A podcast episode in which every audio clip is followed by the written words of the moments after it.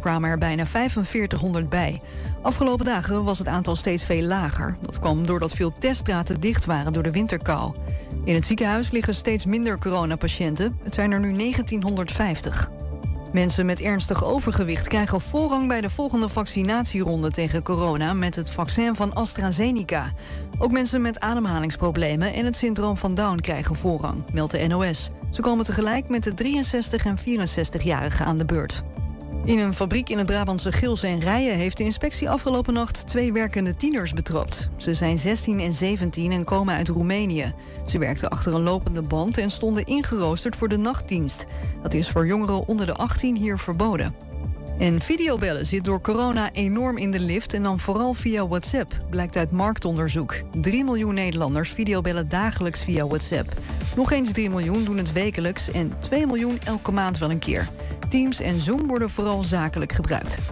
Het weer dan nog, volop zon en 0 tot min 3 graden. Vanavond daalt de temperatuur snel en vannacht kan het min 15 worden. Morgen ook mooi winterweer met veel zon en een middagtemperatuur tussen de min 1 en min 5 graden. En tot zover het ANP-nieuws. 1 Twente. Weet wat er speelt in Twente. Iedere dag praten we hierbij over alles wat er in Twente gebeurt. Via radio, tv en online. 1 Twente. 1 Twente. Een eh, botsing in de Hengeloze gemeenteraad. De oproep om minder schriftelijke vragen aan het college daar te stellen... valt bij raadslid Leo Jansen totaal verkeerd. De Universiteit Twente had de straten, pleinen en weggetjes op de campus... al vrij snel sneeuwvrij. Nou, hoe deden ze dat nou precies? Zondag is het Valentijnsdag. We vragen op straat of de Hengeloer daar warm van wordt... en of u weet waar die dag überhaupt vandaan komt. En in het Twents kwartierken ontdekken we het herbarium van Blijdestein. Ja, ik heb er nu alweer zin in. Het is uh, donderdag 11 februari. Dit is 120 vandaag. We beginnen met een bijzondere prijs voor de buurt De Posten in Enschede Zuid. Vanuit het ANWB-fonds gaat maar liefst 10.000 euro naar een uh, opmerkelijk initiatief daar. Een dementie-vriendelijke oversteekplaats. Dagelijks lopen veel mensen van buurt De Posten richting het winkelcentrum. Daarvoor moeten zij de Broekhurner Ring oversteken. Een oversteek die door veel mensen als onveilig wordt ervaren. Met drie aanpassingen wordt nu de oversteek dementievriendelijk en veilig gemaakt. Er komt een verbreed zebrapad. Zo is er meer ruimte om elkaar van beide kanten te passeren, waaronder duofietsers. De oversteek wordt verhoogd tot hetzelfde niveau als de stoepen. Zo wordt het voor mensen met een rolstoel of rollator veilig oversteken. Ook remt dit het autoverkeer af. Tot slot maken we de route van afzorgcentrum De Posten tot het winkelcentrum herkenbaar met winkelwagen-icoontjes. Met name handig voor dementerenden. De dementievriendelijke oversteek Broekhurner kan via het ANWB-fonds een financiële bijdrage krijgen. Maar dan hebben we jouw stem nodig. Ga naar anwb.nl slash stem en selecteer dementievriendelijke oversteek in Enschede. Ja, en dat, eh, dat stemmen dat deden blijkbaar zoveel mensen... dat het plan voor de oversteek in de top 3 van projecten in Overijssel belandde. Een vakjury verkoos uiteindelijk uit die drie ideeën... de dementievriendelijke oversteekplaats als uh, winnaar. Bij ons is Ank Bas, Braspenning van uh, onze buurt De Posten. De samenwerking die dat eigenlijk uh, nou ja, voor elkaar heeft gekregen. Ank, welkom. Dankjewel. 10.000 euro, gefeliciteerd. Dankjewel, heel blij mee. Ja. Dat, dat geloof ik graag, ja. ja. Um, jullie hebben er uh, nou ja, kosten nog moeite voor gespaard. Er is veel voor, uh, voor gedaan. Er is zo'n zo'n video uh, gemaakt om het plan te pitchen, bij wijze van. is, het, is het dan zo dat je denkt... nou, dat had ook wel gemogen dat we die 10 euro, 10.000 euro binnenhaalden... of was het nog steeds een verrassing? Ja, het is zeker een verrassing, want je kent de andere inzendingen niet. En ik heb gisteren ook gezien bij de uitzending landelijk... dat er hele mooie andere initiatieven zijn... Dus we zijn gewoon heel blij dat er uh, en heel veel gestemd is op ons en dat de jury ons verkozen heeft tot de winnaar. Hoe, heb je een idee hoeveel keren er is gestemd? Nee, voor dat jullie plan? Niet. Dat nee, niet. Nee. nee niet bekend. Want, en en ook de, het, je noemde het al even, de andere initiatieven in Overijssel, die, de, de top drie, zeg maar, waar jullie tegen moesten strijden. De andere twee daarin, die, daar weet je eigenlijk ook niet. Nee. Nee. nee. Maar wel andere landelijke initiatieven. Kun je eens wat noemen? Wat komt er nog meer voorbij? Uh, ik weet het volgens mij in Friesland of Groningen was er een aanvraag voor een duofiets bijvoorbeeld om uh, te financieren. Uh, een heel mooi ander initiatief vond ik een park waar een zintuigen gedeelte werd aangelegd voor mensen die nou ja, slechtzienden. Dus ja, dat soort initiatieven kwamen er voorbij. Terug naar jullie eigen initiatief in Enschede Zuid. Ehm, we hebben daar een, een, wijk, de Posten, een buurt. En we hebben daar een winkelcentrum Zuid. Ja. En daartussen ligt de Broekhunne Ring gevaarlijke straat. Uh, blijkbaar is er al, al langere tijd wat, wat onvrede, onveiligheid. Hoe, hoe onveilig is dat eigenlijk? Heb je voorbeelden? Nou, ik, heb geen voorbeelden van onveiligheid. Ik heb wel voorbeelden van met name de ervaring die mensen erbij hebben. Uh, mensen vinden, ja, willen graag een veilig gevoel hebben bij het oversteken. Um, en het is vooral best wel een rel relatief druk punt. Ik kom er zelf ook vaak voorbij op de fiets of met de auto of lopen naar het winkelcentrum. En nee, je staat vaak wel even te wachten voordat je aan de overkant bent. Mm -hmm. En dan is het heel fijn als dat nee, op een andere manier wordt vormgegeven. Het is een hele natuurlijke loop voor heel veel mensen uit de wijk. Ja, hij komt een beetje vanuit het park dat is die, die oversteekplek, toch? Die je vanuit het park daar hebt naar de. Of is dat, is dat Nee. wat meer naar de andere kant toe? Nee, vanuit het park kom je juist bij, eh, bij de stoplichten uit. En als je meer vanuit de kant van het zorgcentrum loopt, dan kom je bij deze oversteek. Ah, het is aan die kant. Ja. En we hebben ook een, eh, een eh, ik denk al anderhalf jaar geleden, een rondgang gedaan met eh, mensen in de wijk. Ook een aantal mensen die wat slechter te been waren. En dan merk je toch dat het zo'n natuurlijke oversteekplek is. Dat ze toch liever dan daar oversteken dan dat ze naar het stoplicht eerst lopen.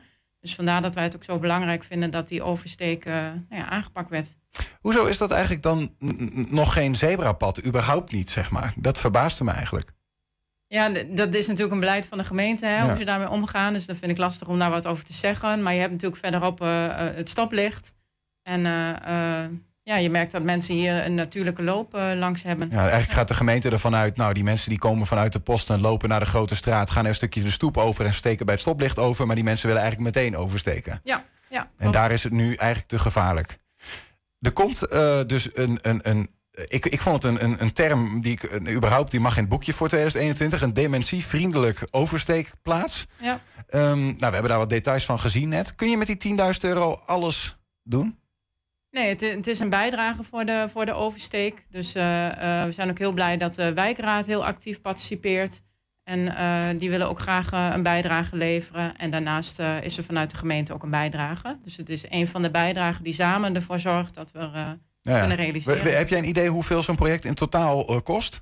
Nee, sorry, dan heb Nee. je de verkeerde Nee. voor de microfoon. Nee, Ja. nee, nee, maar goed, in ieder geval is die 10.000 euro is een mooie stap in de, in de goede richting. Ja. Ehm, eh, eh, zoals ik het begrijp, daar, daar is dus nu gewoon een. nou ja, daar zijn, staan wat lijnen op de weg.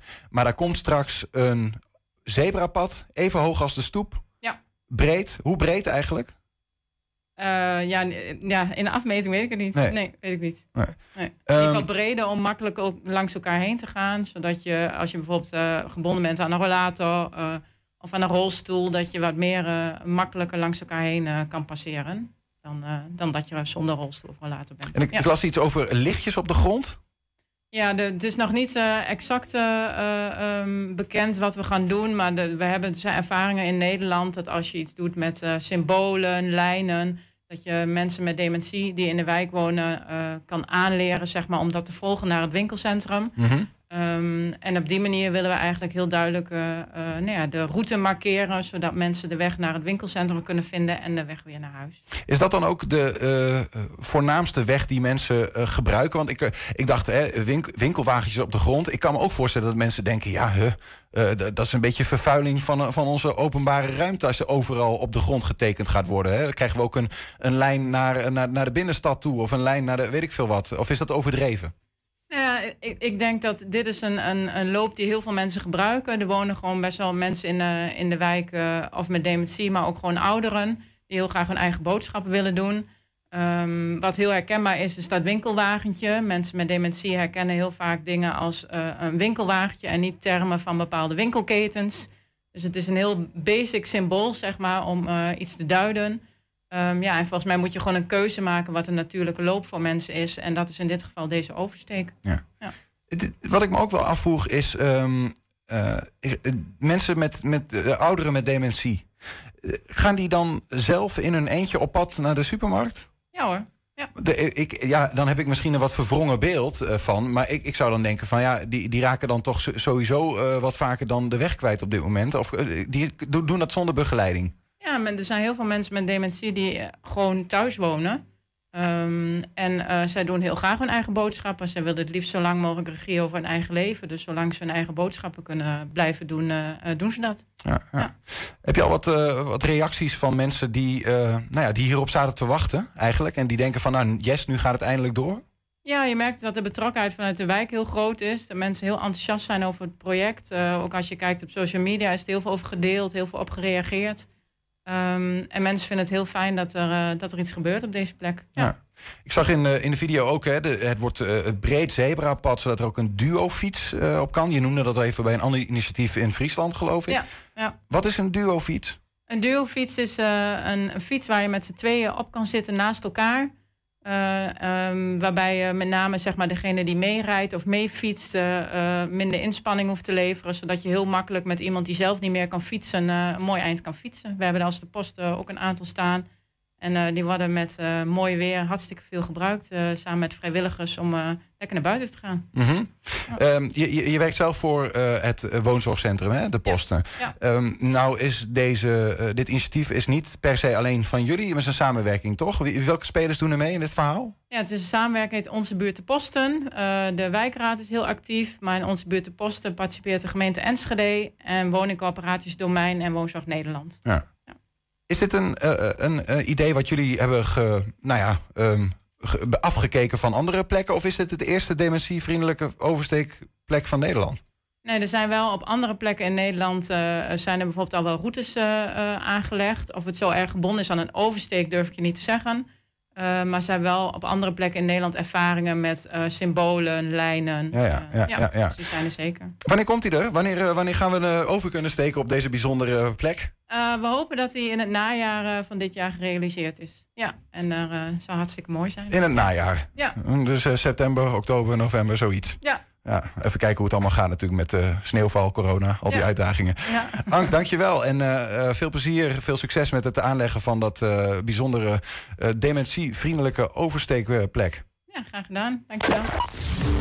Het is donderdag en dat betekent dat de GGD en Veiligheidsregio Twente weer met een update kwamen over de actuele coronasituatie in de regio. Straks praten we hierbij in zo'n vijf minuten.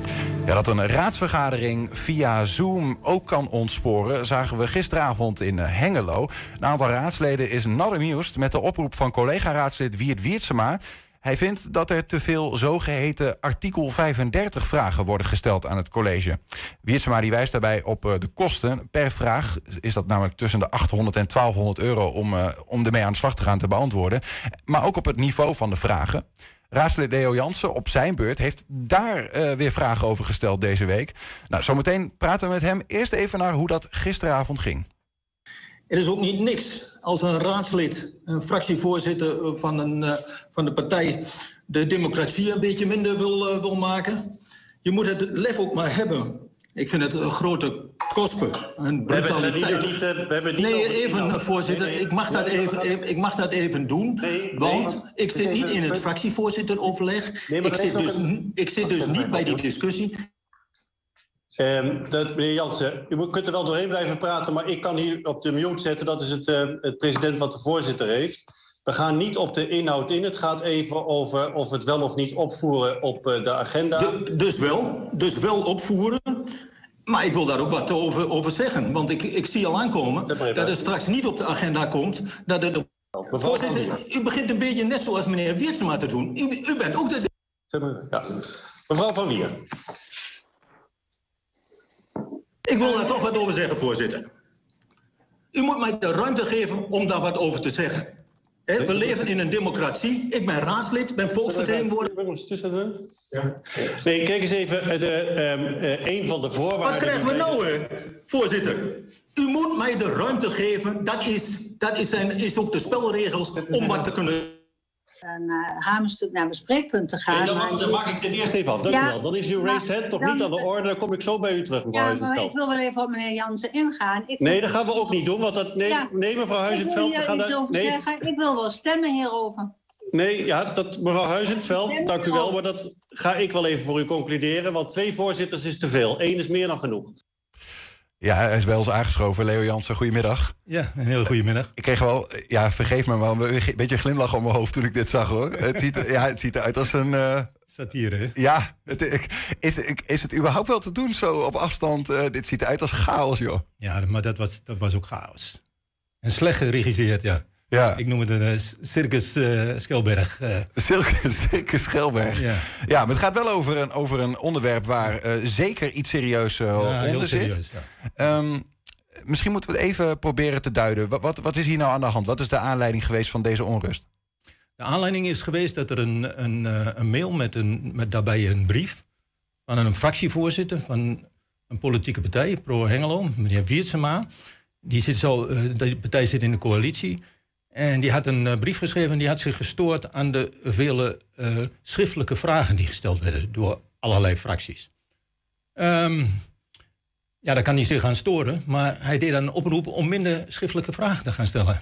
En ja, dat irriteert mij mateloos, eh, dat soort activiteiten. Zeker omdat diezelfde partij, toen ze nog niet in het college zaten, ook altijd flink wat vragen stelde aan het college. Probeert nu dat terug te brengen. Ja. Is er een, is, even omdat, eh, kijk, we, hebben het over een, een lokale eh, democratie. Dat betekent dat er eh, wethouders aan het roer zitten. En, en u zit in de gemeenteraad. En dat betekent dat u mag eigenlijk vragen stellen aan die, aan die wethouders. Hoe zit dit? Hoe zit dat? Ga hier eens mee aan de slag. Daarmee moet u daar niet eens naar kijken. Nou, en dat op, als je artikel 35 vragen stelt, betekent dat die binnen zes weken moeten worden beantwoord. Betekent ook dat de, de ambtenaren die daarmee bezig gaan, hun werk laten liggen, daarmee bezig gaan. Dat, dat brengt kosten met zich mee. De verwachting is 800 tot 1200 per set vragen die je indient. Ehm, dan is het toch ook niet heel gek als je eh, als iemand eh, op een gegeven moment zegt van misschien stellen we wat, moeten we wel goed nadenken over de vragen die we stellen, dat we niet ehm, maar massaal de hele tijd vragen blijven stellen. Dat kost allemaal geld. Ja. ja, de democratie kost altijd geld. Ja. En daar hou ik me niet mee bezig. Eh, ik hou me bezig met mijn volksvertegenwoordigende taak, de controlerende taak en de kaderstellende taak. Dat is mijn eh, taak als raadslid. Daarvoor ben ik gekozen. En als ik me met geld moet bezighouden, dan was ik wel accountant eh, geworden. En dan eh, moet je niet in de gemeenteraad gaan zitten. Natuurlijk is het zo dat ik ook altijd, als ik even persoonlijk naar mezelf trek, mm, maar hij, hij trok het er meer naar de fracties toe. Schijnbaar had hij niet, zoiets, niet zoveel met onafhankelijke raadsleden. Wel, ik altijd kampioen eh, vragensteller wordt, eh, wordt genoemd. Oh ja? Ehm, eh, ja, als je, als je da- daarna kijkt, dan probeer ik altijd wel om eerst antwoorden te krijgen. Of ik neem mensen mee als ze met een problemen zitten. Als ze, die volksvertegenwoordiger. bedoelt buiten de schriftelijke vragen om eerst kijken of je het ja, via eens kijken de of gewoon nog oplossingen gaan komen. Kom Ja. ik niet tot, tot oplossingen? Of gaat het wat dieper? Gaat het over beleid op dat soort zaken? Ja, dan is een van de middelen die je kan gebruiken... is, is schriftelijke vragen stellen. En, eh, ja, Is er eigenlijk een maximum aan vragen wat u eh, mag indienen? Nee, nee, er is geen maximum.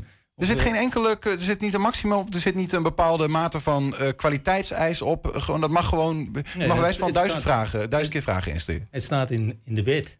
Ja. Eh, een, een, een raadslid of een Tweede Kamerlid eh, of Eerste Kamer kan vragen stellen aan het kabinet, of in dit geval aan het college. Ja. En eh, kijk, ik, eh, ik heb alleen even met mezelf eh, te doen en ik probeer altijd eh, mijn vragen goed in te leiden waar het om, eh, om gaat, wat ik, wat ik, en dan de vraag te stellen om toch te kijken of ik daar fatsoenlijk antwoorden krijg. Ja. Nou, ik kan je wel vertellen, in Hengelo zijn de antwoorden ook vaak bagger.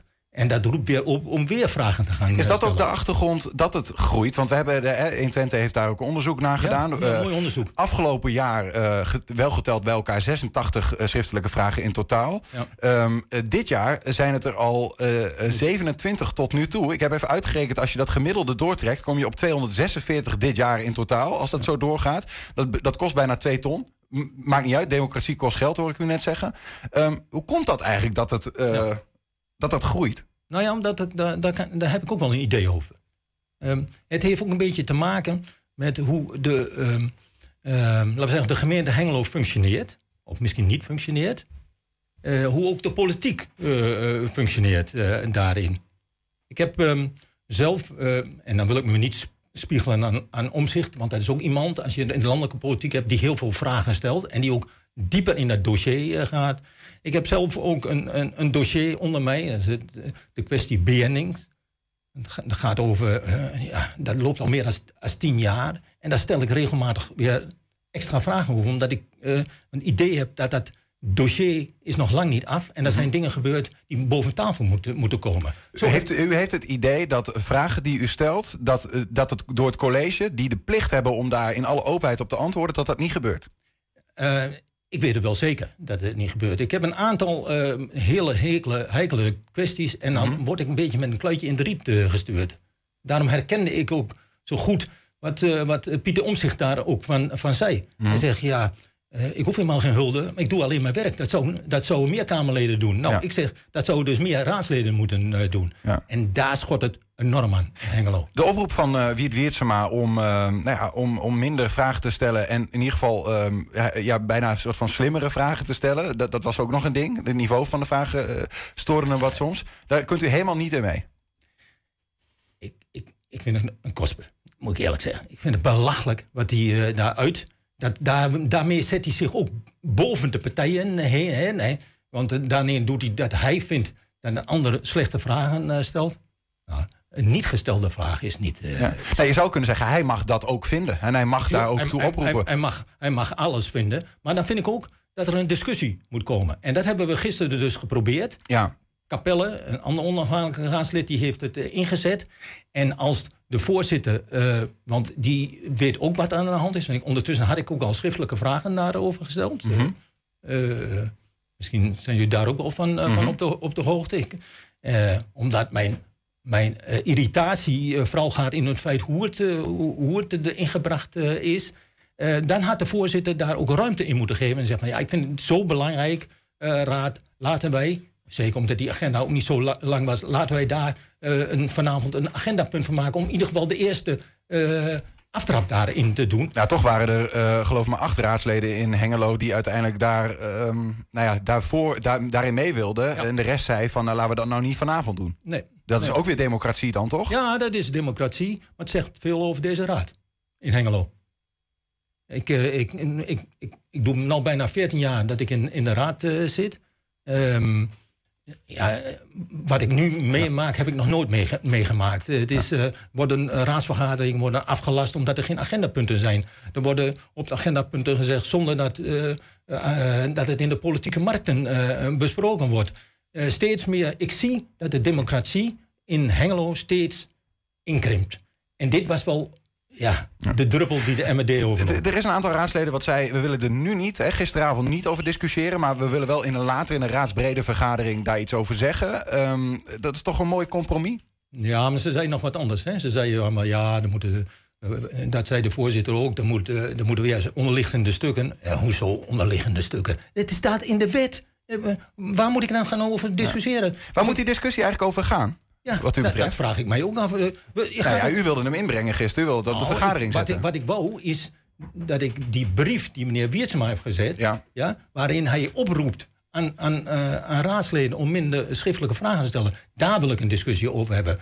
Wat, wie heeft het lef om dat soort dingen te doen? Ik denk, zo'n iemand, en dat zeg ik ook even keihard, moet gewoon achter de graan. Want dat is wat u betreft op zichzelf al een ondermijning van de democratie. Zo'n Precies, precies. Eh, Eh, daar wil ik wel over discussiëren. Of die ondermijning van die de- eh, democratie, daar wil ik wel over discussiëren. Een ander ding waarvan wij begrijpen dat u zegt, en dat is ook nogal een, een aantijging, dat het ehm, eh, misschien wel niet de mening van Wiertsema is, maar de mening van het college verwoord door Wiert Wiertsema. Nou ja, ik, ik, ik weet het niet. Ik, eh, als ik gisteren de houding van de voorzitter van, eh, eh, van de raad zie... ja, boze tongen beweren dat ook... dan kon het best wel eens aangestuurd zijn. Maar goed, dat, dat kan ik verder niet... Ja. dat kan ik verder Het zou niet zijn om de wethouder, bijvoorbeeld Bas van Wakeren in dit geval, van zijn eigen partij, wat uit de wind te houden, zodat hij niet te veel moeilijke vragen meer krijgt. Nou ja, nou, je noemt dan een uitstekend punt, moet ik eerlijk zijn. Want, Ja, het is uw punt. Nee, nee, maar ga- we, hebben het even over de wethouder. Mhm. Over wethouder van Wakeren. Eh, om die uit de wind te houden. Oké. Wethouder van Wakeren heeft cultuur. Heeft, heeft afval. En heeft de, de binnenstad. Alle drie de punten zijn grote discussies over. In Hengelo. En eh, hij krijgt de wind ook echt van voren. Ja, en misschien is dat wel een manier dat ze toch hebben geprobeerd. En dat misschien, ik weet niet, misschien wie ze maar dat zich daarvoor geleend heeft. Of misschien ook niet. Misschien horen we dat nog eens een keer. Eh, maar in ieder geval, eh, zijn, zijn oproep eh, eh, ja, riep veel irritatie bij mij op. Ja, dat snap ik. Toch een stukje zelfreflectie. Nooit gedacht, die vragen die ik hier stel, ik weet niet hoe nodig die echt zijn, maar ik stel ze toch maar. Even beprikkelen, even mezelf op de kaart zetten. Gebeurt dat of niet? Nee, bij mij is het totaal niet. Anderen? Bij anderen? Ik ga niet over anderen praten. Ik ga ervan uit dat al mijn collega's in de raad, als ze vragen stellen, dat dat serieuze vragen zijn. Mhm. Ja? Eh, ik, ik geef daar geen waardeoordeel aan. Meneer Wiertsema wel, die geeft daar waardeoordeel aan. Ik vind alleen schijnbaar dat hij zelf eh, goede vragen stelt. Alleen, die heb ik al een tijden niet meer gezien. Dus, eh, dus Ja, wat, ja, ja die, die, nou, wat is het gevolg eigenlijk van dit debakel? Ehm, gaat u nou, is, heeft het een averechts effect eigenlijk, als het om u gaat? Deze, deze oproep? Komen er nog meer vragen van raadslid Jansen? er komen nog heel veel vragen van raadslid Jansen. En ik ga gewoon zo door, zoals ik dat altijd heb gedaan. Mijn taak als raadslid, er horen ook schriftelijke vragen bij, om die goed uit te oefenen. En dat zal ik ook blijven eh, doen. En ik laat me niet door de heer Wiertsema of de voorzitter van de raad, meneer Schelberg, eh, tegenhouden. Ik zal die taak blijven uitoefenen. En ik hoop dat eh, ook meerdere eh, raadsleden, want ik, ik heb wel meer irritatie eh, vernomen, eh al probeert men wel de rijen eh, te sluiten eh, daarin, eh, dat er meer raadsleden en dit eh, gaan oppakken en zeggen, maar jongens, eh, dit, dit kan toch nog toch niet.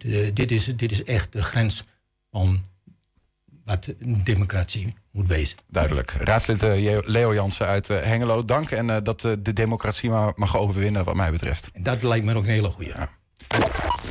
Dan de winkels zijn open voor afhaal en kinderen mogen weer naar school. Dat lijkt te betekenen dat het de goede kant op gaat qua corona in de regio. Maar schijn bedriegt. De GGD en Veiligheidsregio Twente melden vandaag tijdens het wekelijkse persgesprek dat de cijfers nog steeds te hoog zijn. En omdat de scholen nu open zijn, verwacht de plaatselijke gezondheidsdienst dat er de komende tijd ook meer kinderen getest gaan worden. Eh, verslaggever eh, Laura die was daar eh, bij. Laura Ratering, goedemiddag. Hi, hi. Ehm, bij dat persgesprek wat we iedere week dan met, met deze instanties hebben. Ehm, het gaat minder goed met de cijfers, terwijl het, het voelt dat het toch wel, eh, je hoort ook wel cijfers, eh, dat, dat, dat het beter gaat. Hoe zit dat? Nou ja, eh, kijk, als, als, we, als we landelijk kijken, dan zitten we nog steeds ver boven het gemiddelde. Dan, dan is het nog steeds niet goed of boven het landelijke. Boven de landelijke cijfers. Volgens mij 939 cijfers of besmet, besmette personen de afgelopen week. Dat is nog te veel. Ehm, eh, en dat zit hem daarin vooral de vindpercentage. Dus de mensen die getest worden. En die vindpercentage, dus hoeveel mensen vinden ze die besmet zijn, die ligt nog te hoog. Ja, ja, dus eh, het aantal mensen dat zich laat testen, wat daarvan positief is uiteindelijk, dat is in Twente relatief hoog. Precies, dat is volgens mij in Twente ligt dat rond de 12,7 uit mijn hoofd. En eh, landelijk is dat iets boven de 10. Hoe kan dat nou? Nou, de GGD weet het ook niet. Niemand weet dat. Eh, waar, waarom dat in Twente nog steeds zo hoog blijft. Geen Ja. idee. Ja. Of wonen wij in, in, in te kleine ruimtes? eh, Is dat het? Met elkaar? Ja, nee, ja, goed, dan ga ik. Wat een. eh, en dan eh, een ding wat ik me zou kunnen bedenken. We hebben het altijd over die Britse variant. eh, die er aankomt. Die zou iets besmettelijker zijn. Is die dan in Twente meer in opmars? Eh, het valt ook nog wel mee. Eh, gelukkig. Ze hebben, dat, eh, ze hebben samengewerkt met, eh, met het UMC. Dus ze hebben de eh, monsters opgestuurd. Die hebben dat onderzocht.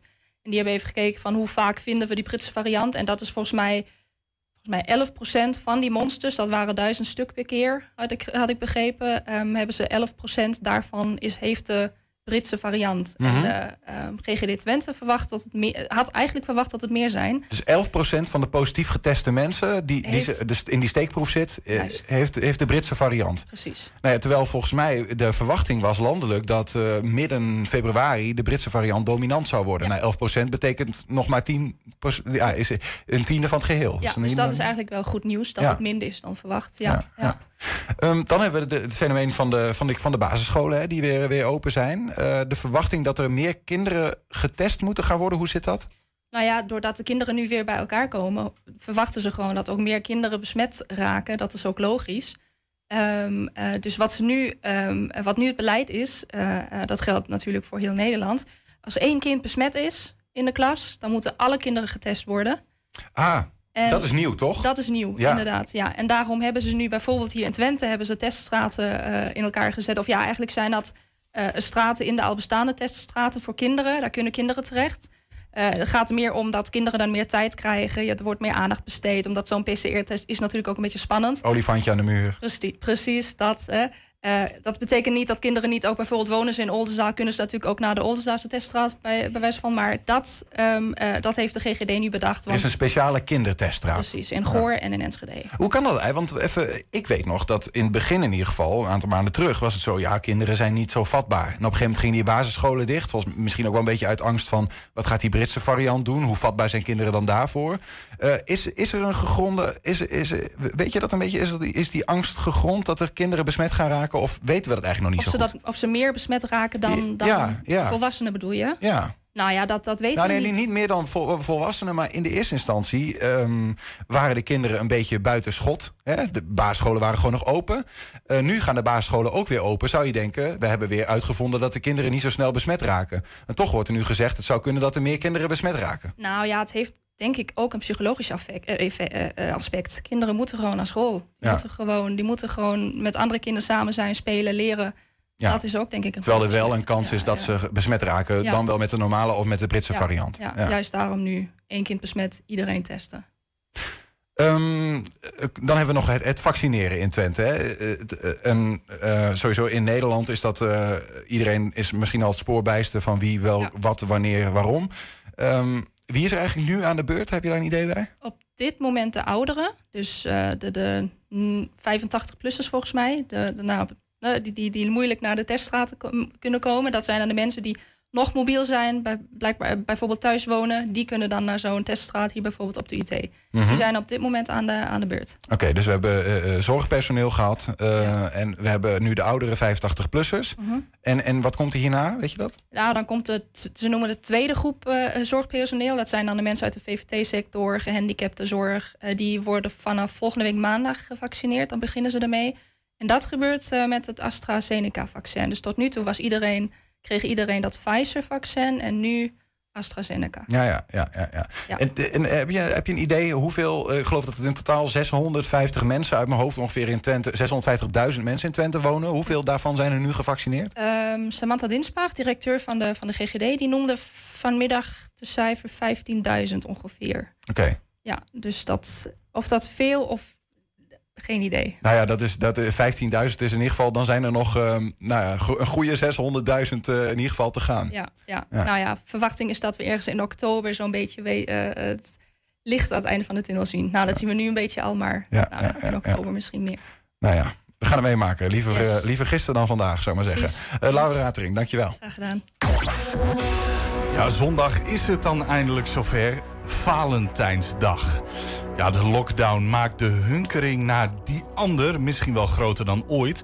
Maar de avondklok maakt een nachtelijk avontuur op zijn Romeo en Julia's vrijwel onmogelijk. Dan toch maar weer een, of een bekende een kaartje naar die heimelijke liefde sturen. Ja, we stelden de Hengeloers de vraag wat zij dit jaar doen.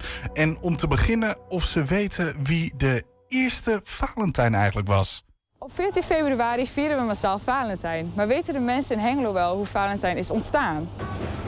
Valentijn, ja. Ik heb het wel geweten, maar precies weet ik het niet meer. Ja, ik denk het wel. In het verleden was er een... eh, ja, het is al lang geleden dat, het, eh, dat er een Valentijn was die eh, cadeaus gaf of zo. Ja, door zo'n ja, zo'n beetje zo'n baby of zo. Met zo'n zo'n pijl en boog. Cupido bedoel je? Ja, Cupido. In het Westen vieren ze ook Valentijn, of uh, Sint-Nicolaas, Sint Maarten eigenlijk, net als de Sinterklaas. Nou, volgens mij was het een of andere commerciële band uit Amerika. Volgens mij wat deze kant op kwam. Tenminste, dat heb ik ervan begrepen. Ja, Kunt u dat uitleggen? in Rome. Ik dacht ergens in Amerika, of niet? Er was een keizer, Claudius, en die Ja. had het trouwen verboden in het jaar 262 na Christus. Ja. En toen was er een man, een priester, Sint Valentinus. En hij besloot om alle geliefde stelletjes te laten trouwen. Oh, Oké. En vervolgens is hij op 14 februari geëxecuteerd. Omdat dat dus niet mocht. En Ja. uit gedachtenis hebben ze het Valentijn genoemd. Oké, grappig. dat wist ik niet. Dat is eigenlijk een beetje een katholiek toestandje. Ja. Daar heb je het al. Ja. Heel goed, dan wil ik het weer. Het zal zomaar waar kunnen zijn. Ik heb, ik heb geen idee, ik ben geen geschiedschrijver. Dus als jij het zegt, dat zal het wel zo zijn. Alleen de hele commerciële bende eromheen komt volgens mij uit, het, eh, uit Amerika. Ja, u vindt het meer een commercieel iets dan... Ja, het is weer goed voor de bloemisten en zo. Dat klopt. Ja, Nou. Niks mis mee. De mensen weten dus niet waar Valentijn vandaan komt. Maar vieren ze eigenlijk wel Valentijn? Heeft u al wel eens Valentijn gevierd? Nooit. Nog nooit? Nee. Ook geen ultieme cadeau waarvan u denkt van dat wil ik echt krijgen voor Valentijn? Nee, aan Valentijn hebben we eigenlijk nooit gedaan. Nee. Nee? Nee. Ga je nog Valentijn vieren dit jaar? Och, nee, daar ben ik helemaal niet mee bezig. Nee? Ook geen liefde of zo waarvan Nee. je denkt van die ga ik stiekem toch een bericht sturen? Nee, dat doe ik Nou, niet, ja. Ga je Valentijn vieren dit jaar? Eh, jazeker. Met wie ga je Valentijn vieren? Met een meisje natuurlijk. Ja, ik denk thuis. Thuis, ja? Ja, normaal gaan we uit eten, maar ja, dat gaat niet. Oh, helaas. Wat is dan wel het ultieme Valentijn cadeau voor u? Eh, het etentje. Het Met z'n tweeën, dat vind ik leuk. Viert u wel eens Valentijn? Eh, ja, ja, maar meestal meer een kleinigheidje. Zo van eh Wat voor kleine geitjes geeft u? eh, een geurtje, bosje bloemen. Kaart tot een bos bloemen Ja. op een ander aardigheidje. Valentijn betekent voor mij... de commercie is weer bezig om geld uit de zak te kloppen... voor de onder van de klanten. En het is eigenlijk... Eigenlijk is het gewoon flauwekul. Als je aan denkt, dan doe je dat hele jaar... en niet speciaal met Valentijn. De rijscholen zitten nu al een langere tijd dicht. En dat zorgt voor veel onvrede bij de rijschoolhouders. De rijlessen voor de auto moesten namelijk stoppen. En, eh, eh, tot daar, hoor en tot daar aan toe. Maar voor het stilleggen van lessen voor brommers en motor... daar moeten ze ook mee stoppen. Maar daar hebben we nog vragen over. Nou ja, in de buitenlucht zou dat dus mogen.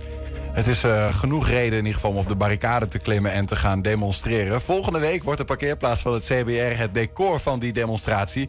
En we gaan erover praten met initiator van die demonstratie Hans Pierik. Hij is van rijschool Drive Easy. Hans, goedemiddag. Goedemiddag. Is het eh 5 voor 12 voor de rijscholen? Eh, ik denk voor sommigen wel in. En voor u? Nou, ik, ik eh, draai al 32 jaar meer, dus ik heb wel een buffertje opgebouwd. Maar voor de meesten, er zijn eh, gewoon ontzettend veel rijscholen die, ja, die echt op, op het randje van omvallen staan. Puur door de, de vaste lasten die non-stop doorlopen. En dan, eh, ja, dan praat je over bijvoorbeeld autoverzekering, belasting, maar ook je inkomstenbelasting, et cetera. Het gaat allemaal maar lekker door. Ja, je hebt gewoon een huis natuurlijk, hè? Terwijl de geldstromen totaal opgedroogd zijn. Ja, hoe zit dat eigenlijk bij jullie? Want ik heb daar weinig beeld van. Eh, wa- wanneer gingen de rijscholen helemaal hermetisch dicht? Dat was 15 december. 15 december. En ehm, dat, eh, dat geldt dus voor alles wat jullie doen?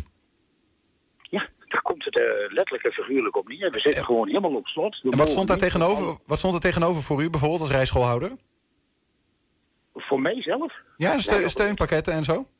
Nee joh, helemaal niks. We krijgen helemaal niks. We, we vallen overal, eh, de, vissen wij achter het net en vallen buiten de boot. Nou is er toevallig eh, gisteren een eh, regelingetje doorgekomen dat ze eh, de vaste lasten, de TVL, tegemoetkoming vaste lasten, Ja. dat ze die naar 1500 euro hebben gezet in plaats van 3000 euro. Maar dat is voor heel veel rijscholen. eh, er zullen een x-aantal rijscholen zijn, laat ik het zo stellen, die daar weer een, misschien een stukje baat bij zouden kunnen hebben. Maar dat is dan ook nog weer achteraf. Ja. Want die kun je pas volgende week kun je hem aan gaan vragen, wordt hij beoordeeld en dan wordt hij 1 maart ergens uitgekeerd. Maar ik snap het Dus niet helemaal. Eh, eh, jullie hebben toch gewoon inkomstenderving doordat er, eh, door, door, door die maatregelen. Dus je, je hebt toch gewoon minder. dan is het toch vrij logisch dat, dat daar ook compensatie tegenover staat. Wat is de reden dat dat niet gebeurt?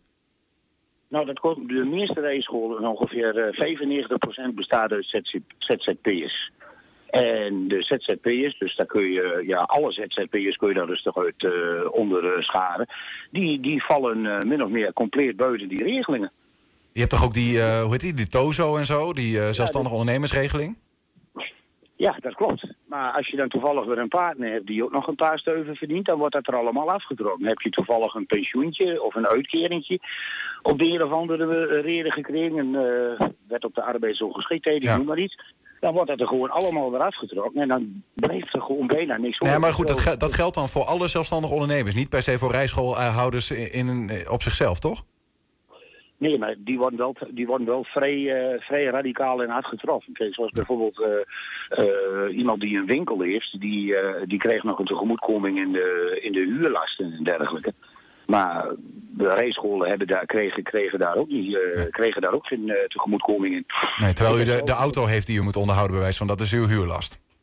Nou, eh, nee, ik heb ook nog een bedrijfspand en een theorielokaal. Ook nog, en, eh, met alles erop en eraan.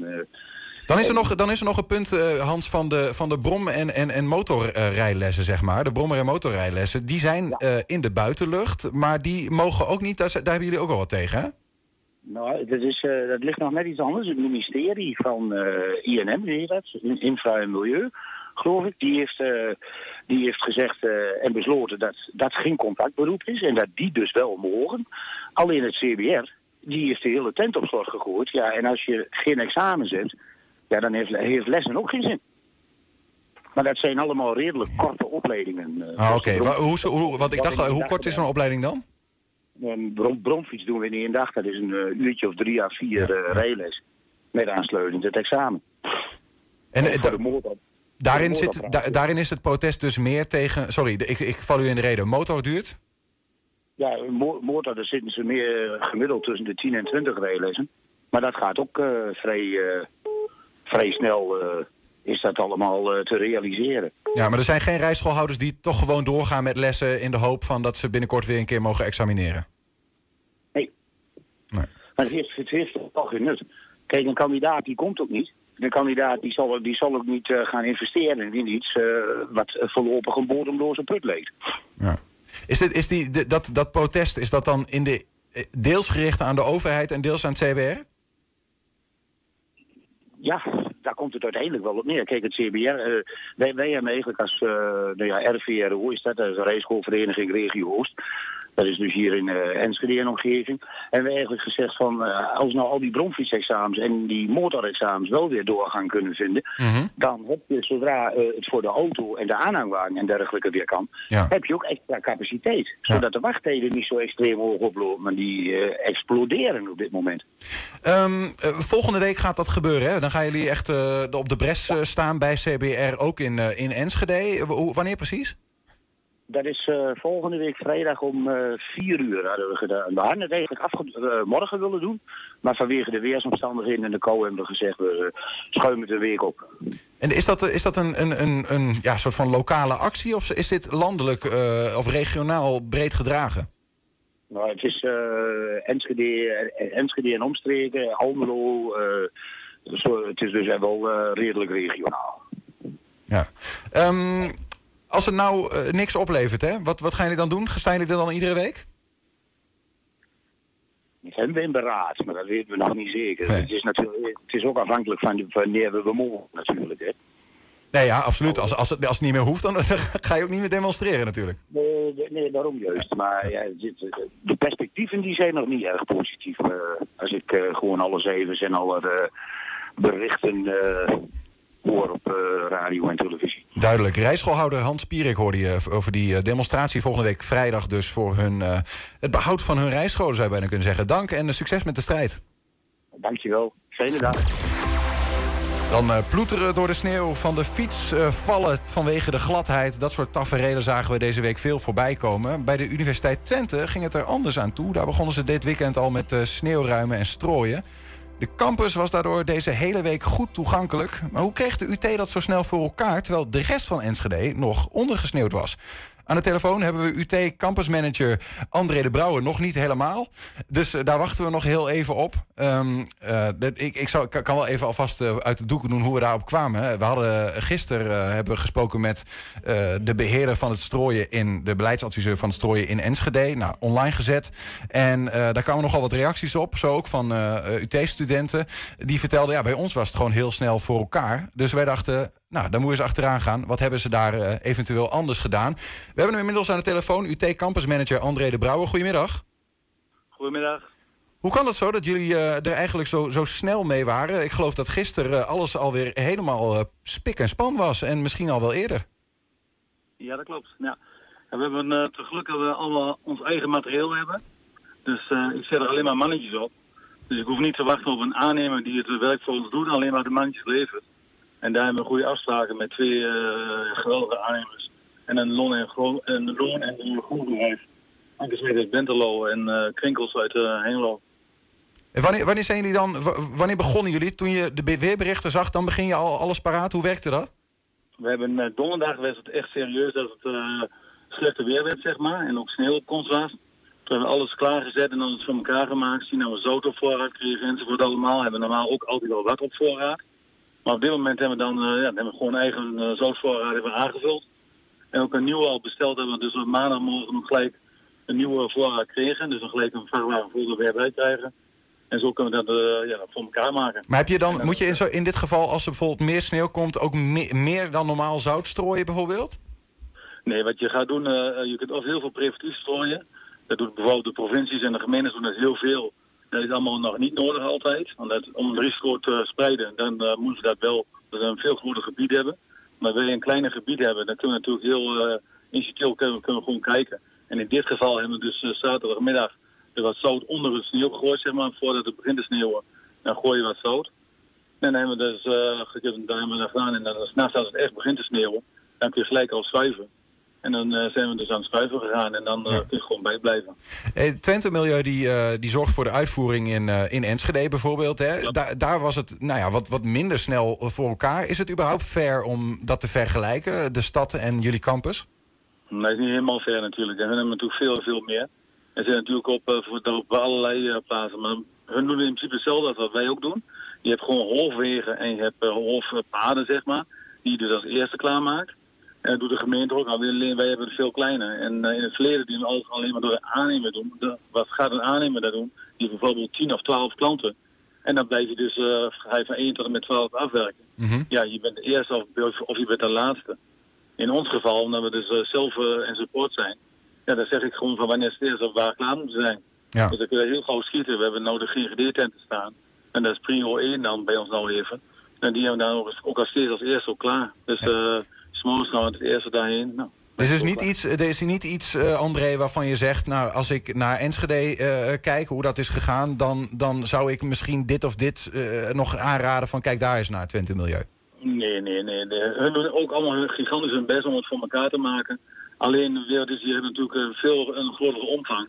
En je hebt natuurlijk met veel meer andere ja, dingen te maken, zoals routes en dergelijke. Ik weet zeker dat ze om, om het ziekenhuis ook het eerst klaar hebben.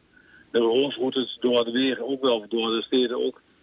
Maar je maakt een prioriteitenlijst waar je van tevoren al over nadenkt van welke je het eerst of welke je het laatst doet. Ja. En je moet natuurlijk goede mensen om je heen hebben waar je goed mee kunt schakelen. Nou, dat hebben wij dus met uh, Trinkels en met Angstsmit goed voor elkaar.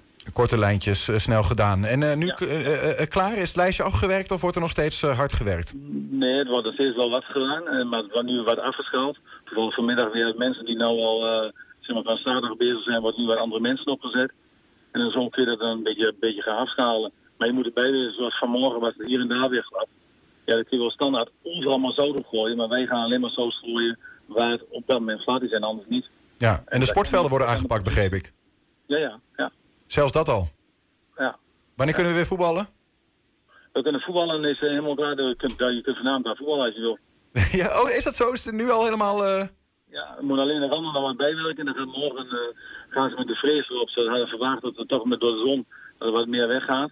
Om de veiligheid van, het, van de spelers toch beter te krijgen. Dan, uh, en de maandag in de voetbalschool weer.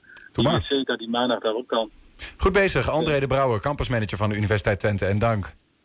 Helemaal goed. En door. Naar Adrie, welkom.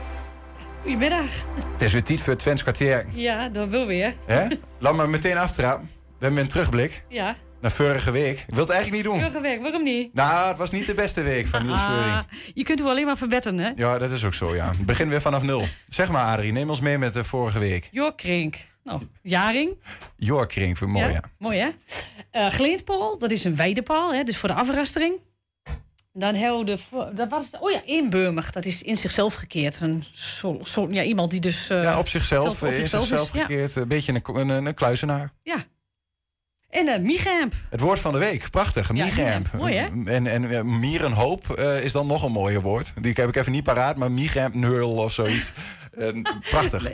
Ik ga hem wel opzoeken voor je, dan zeg ik hem nog een keer. Heel goed, heel goed. Komen we zo meteen op terug eh, na de video die eh, weer de volgende woorden inleidt. Eh, dit keer was het een bijzondere video. Ik heb me laten vertellen dat Ernst ergens in een jungle staat.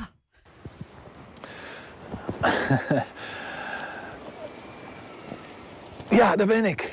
Welkom eh, bij een nieuwe aflevering van. Eh, aflevering nummer 24. Eh, weet je, die, die, die nazaten van die textielbronnen, wonderlijke gasten zijn dat hoor. Wonderlijke hobby's. Er was er eentje die snuffelde voortdurend. ehm staat met zijn neus in de planten. Zoals ik, nee, we gaan dat verhaal horen zometeen van Edwin binnen. Kom maar kijken.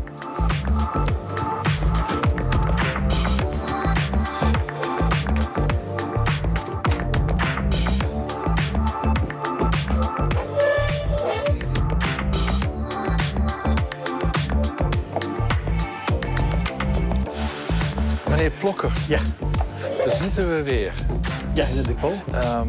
ja, met een echt, volgens mij een echt Enschede's verhaal. Tenminste een Twents verhaal, maar het begint toch in Enschede. Ja, ja, dit is wel. Ja, dit is- ja klopt. Eh, van, van Julius Blijdenstein. Echt ook een, een, zo'n zo'n naam die hier wel veel Ja, voorkomt. Blijdenstein, wie kent hem niet, zou ik bijna zeggen. Ja. Maar wie was Julius Blijdenstein? Ehm, eh, Julius Blijdenstein was wel inderdaad van, van een familie van, eh, van eh, bankiers. Eh, ik heb de hele, hele stamboom niet nageplozen. Ehm, maar hij is bijzonder eigenlijk doordat hij zich niet met textiel of met, Geld. eh, met geld bezig hield. Nee, hij was helemaal geobsedeerd, kan je bijna wel zeggen, door plantjes. En hij is, hij is al op hele jonge leeftijd, hè, dus geïnspireerd door, door, zijn- door, door, door zijn leraar op school, is hij begonnen met plantjes drogen en vastleggen. En hij is dat, dat vanaf eh 7, 8-jarige leeftijd is hij dat... Zo jong al? Ja, ja echt, echt jong. Echt lagere school. Dat hij al begon met plantjes drogen. En hij had echt een... eh, hij was eh, heel fanatiek was erin. En hij, heeft, hij is het steeds professioneler gaan aanpakken. Tot hij uiteindelijk een, echt een professioneel herbarium heeft aangelegd. Van nou ja, 800 verschillende soorten. 800 soorten? 800 soorten. En, en 40 van, van dit soort, en 40 van dit soort boekwerken. Wow. Want mensen die plantjes drogen en daar boekwerk van maken, die heb je wel meer. Maar mensen die het zo professioneel aanpakken. eh, Ik zie, wat ik hier zie is een kaart van, eh, van Overijssel. Ja. Ehm, eigenlijk heel Overijssel zie ik inderdaad, met daar de Zuiderzee. Ja. Met allemaal, het is echt gewoon een soort stafkaart bijna. Nou, dat is niet helemaal waar, maar een hele gedetailleerde, een hele precieze kaart met allemaal rode kruisjes erop. Precies, ja, ja. En het is dus een hele gedetailleerde kaart. En eh, je ziet hier een Latijnse naam. Dat is van een, een plantsoort. En met al die rode kruisjes. Hopericus genuculata, denk ik. Met rode kruisjes, de vindplaatsen van planten. Precies. Ja, en, en we hebben dus dozen vol met dit soort kaarten. Waarin hij ehm, eh, exact noteerde waar hij, die plaats, waar hij dat, eh, die plantjes vond. Nou, dit is gewoon wetenschappelijk werk. Dit, dit is gewoon wetenschappelijk werk wat Ja. gedaan heeft. En je zegt 800 soorten. Ja, ja we hebben dus, dus ja, een heel grote stellingkast. En daar eh is helemaal chockvol met, met allemaal planten, gedroogde planten. Eh, en ja, allemaal van dit soort kaarten met, met vindplaatsen. Ja, maar dit lijkt het werk van een, eh, nou ja, van een, van een volwaardig eh, plantenkundige, zal ik maar even zeggen. Gewoon Ja. iemand die, Ja.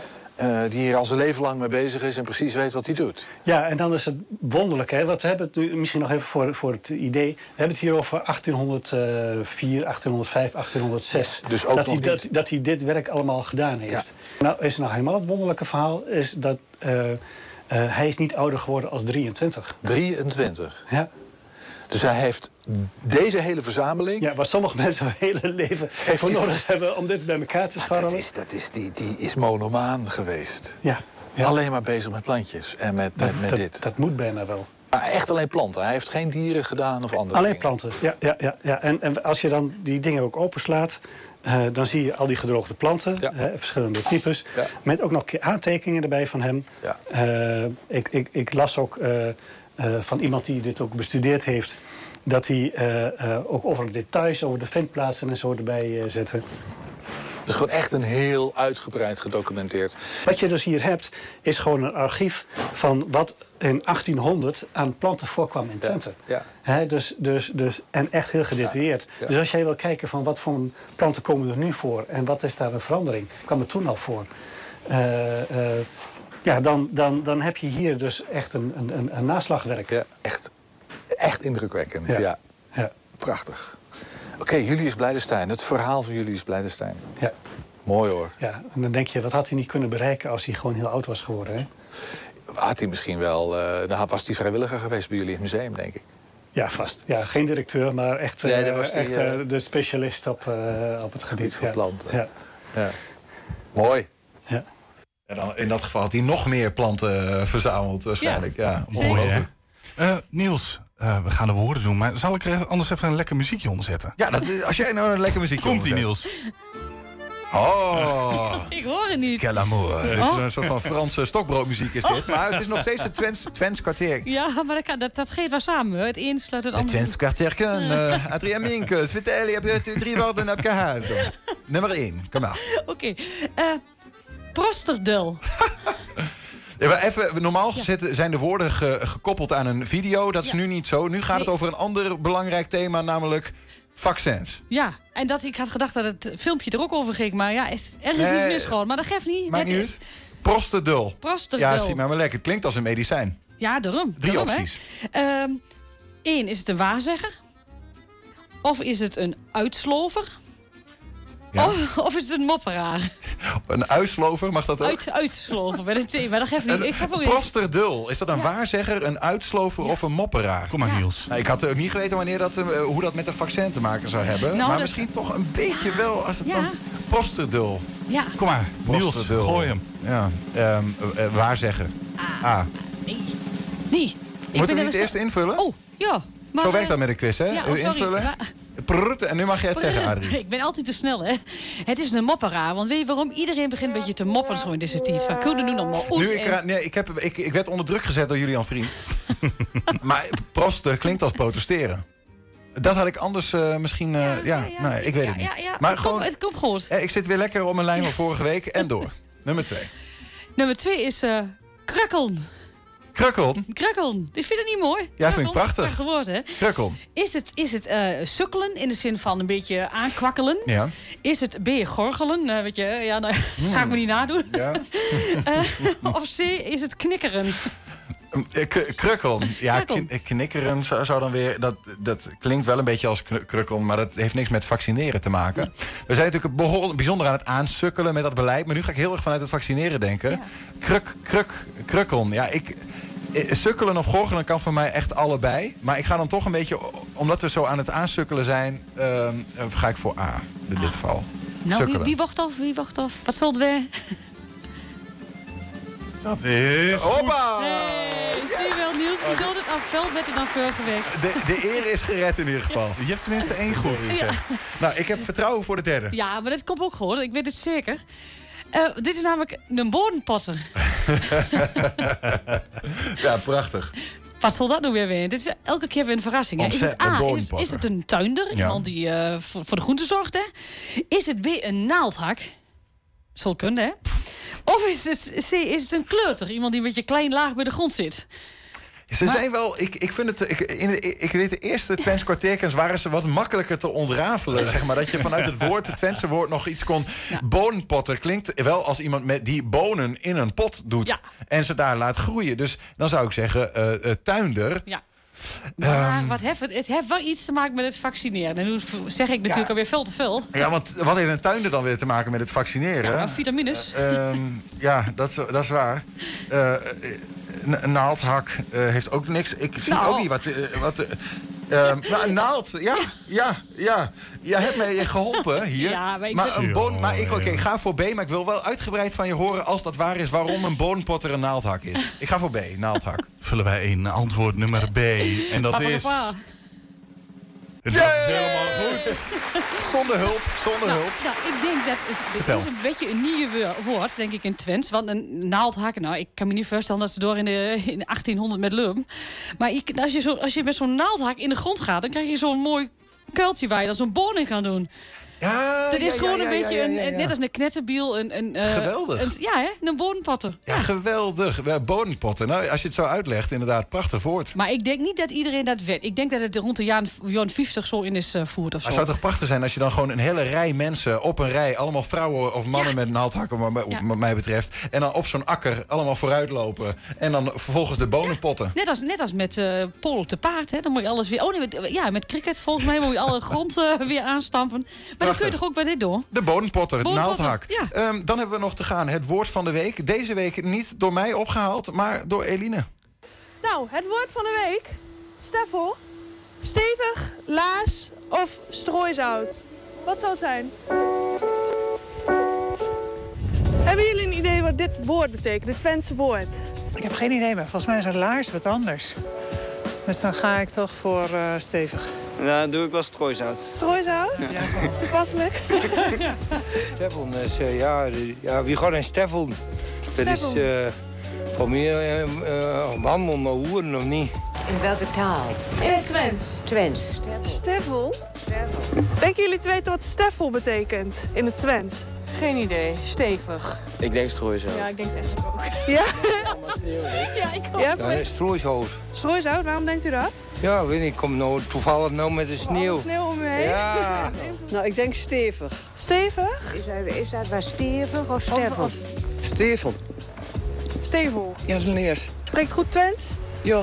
Ja, mooi. Het kan wel een laars zijn. Kan ook een laars zijn. Laars. Waarom denkt u dat? Omdat Duitse. Stiefel. Nou, ik eh, sprak het blijkbaar verkeerd uit. U zegt dit het Steffel, maar eh, een echte Twents in hart en nieren heeft mij net verbeterd. Het is Stievel. Dus bij deze, Stievel. Wat het woord Stievel betekent in het Twents. Ja, ik weet het. B. Wat? B, laars? Laars. En waarom denk je dat? Stiefel, dat lijkt op het Duitse woord. eh, laars. Ik denk C. Strooizout. Het Twentse woord Stievel. Denkt u te weten wat het betekent? Laars. Laars. Ja. U zegt het heel eh zelfverzekerd? Jazeker. Stiefel. Dat is Duits.